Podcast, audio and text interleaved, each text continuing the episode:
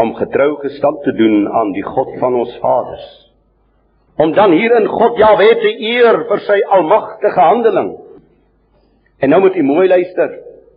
En hierdie gebondenheid aan die ewige drie enige God. Hierdie openbaring vanmôre van die gebondenheid aan God Jahwe het 'n doel en het 'n plan. Om die korrekte toekomsblik te hê, moet ons terugkyk in die verlede. Die blanke betree die suidpunt van hierdie groot Afrika kontinent op 6 April 1652.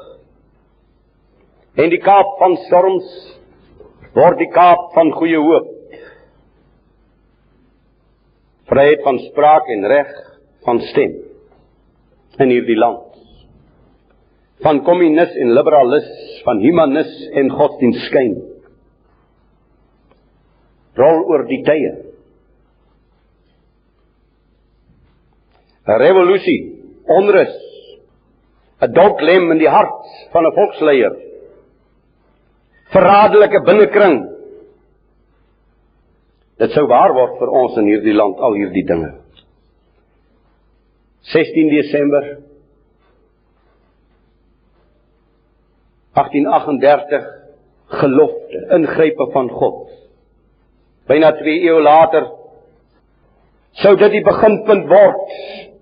Die geboorteplek, die voortbestaan van 'n sekere geslag van blankes in die land. U moet luister wat ek sê.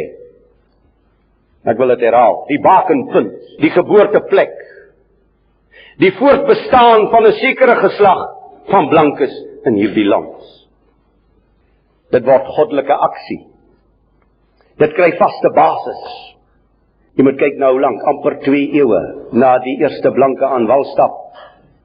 Byna 2 eeue dan gebeur hierdie aangrypende geboorte wonder van 'n sekere geslag, van 'n sekere volk wat deur die tye as jy mag hê vir so 'n dag ander woorde skree teen God dreig, dan staan u en ek nog vanmôre onder die Vader se genade uit hierdie geslag gebore. Onvernietigbaar. Dan kan die digter in die hoë gesag dit onuitwisbaar vir die geslagte van die godsvolk in hart ingrip in die merg van ons gebeente in ons hart en siel en gees In ons roem op ons verlede, in ons hoop op wat sal wees. In ons wil en werk en wandel van ons wieg tot aan ons graf. Deel geen ander land ons liefde, trek geen ander trou ons af. Vaderland, ons sal die adel van jou naam met eer dra, waar en trou as Afrikaners kinders van Suid-Afrika.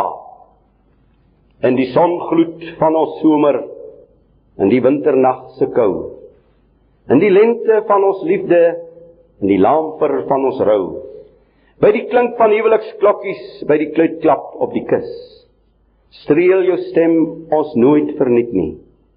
Weet jy waar jou kinders is? Op jou roep sê ons nooit nee nie. Sê ons altyd altyd ja om te lewe om te sterwe. Ja ons kom Suid-Afrika. In die noodtyd van die volk is daar altyd 'n weg. In die noodtyd van koning Dawid, hierdie besondere godsman, dan skryf hy: "O God, stuur u bliksems uit die hemel en verstrooi hulle en verwar hulle, hulle wat 'n regterhand van bedrog is." sodat daar geen geskreeu op ons pleine sal wees nie. Geen bres in ons mure, geen uittog daaruit. Dat ons dogters sal wees soos hoe pilare wat uitgebuitel is na die boustyl van 'n paleis. Ons seuns soos plante wat opgekweek is in hulle jeug. Welgeluksalig is die volk wie se almagtige Jahwe is. en nooit het of sou die almagtige sy trou en sy genade wegneem van die oorblyfsel van sy volk nie. Jy kan maar die Bybel gaan deurblaai. Telkens sal u lees van die oorblysel wat hy sal bewaar. Sou ek deur die rivier gaan, sal die water my nie oorstroom nie. Sou ons deur die vuur gaan, sal dit nie ons skroei nie. Sou die straf en die seën hierdie volk se deel wees. Geweldige ontwikkeling en uitbouing tot aksie en kompetisie op die hoogste en strategiese vlakke van die wêreldarenas. 'n Volk wat oorleef. Die verskriklike moord in die uitloop van die vorige eeu teen die Edomiet en die Babiloniër van Engeland sou hy oorleef. Die tragedie van die rebellie van 1914 op die Eerste Wêreldoorlog die 1918 griep die Tweede Wêreldoorlog hongersnood en armoede die pes en die plaag Ja, sal die oorblysel ook oorleef die twis en die tweedrag en die partyskappe. Die lange getwis oor wie is baas en wie is knegg. Sou hy volk word. Sou hy volk word. Sou hy konstant teen die kommunis en die liberalis. Sou hy die verraad in eie kring kan besweer. Liefdes, ek lees vir u baie bekende gedeelte in 1 Konings 20. En ek hoop nie jy word moeg nie. Die tragedie van koning Agab. Ek lees eers vers 40, maar onderwyl die dienaar hier en daar besig was, het hy verdwyn. Hy het die vyand in sy hand gehad. Suid-Afrika se volk het die vyand in hulle hand gehad. Maar terwyl u dienaar hier en daar besig was, het hy verdwyn. Toe sê die koning van Israel vir hom: "So is jou vonnis, jy het self bepaal." Vers 42 En hy sê vir hom: "So spreek Jahwe, omdat jy die man wat deur my bandvloek getref was uit die hand laat gaan het." Daarom sal jou siel in die plek van sy siel en jou volk in die plek van sy volk wees. Hy sit binne die tronk. Hulle sit in die gevangenis. Maar terwyl die dienaars van God in hierdie land hier en daar besig was, is hulle vrygelaat. En jou siel sal in sy plek wees en jou volk sal in sy volk se plek wees. En hoekom? Ek lees so 'n bietjie vroeër.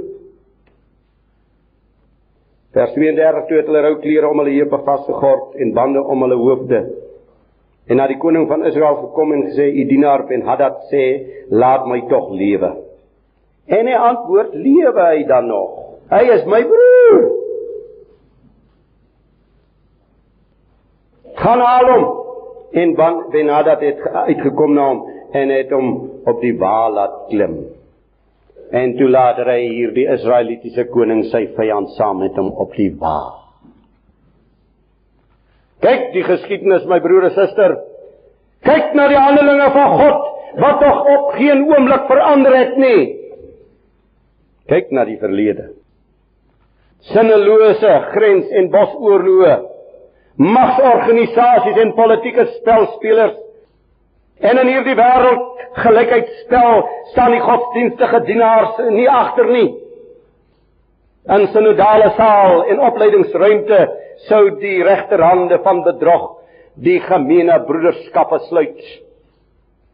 Kansel en kateder sou leerbank word vir Kajafas hoofpriester en geslepe halfbloed dweper.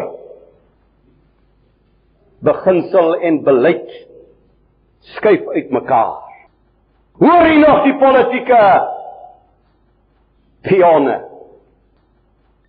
Ons beginsel is vas.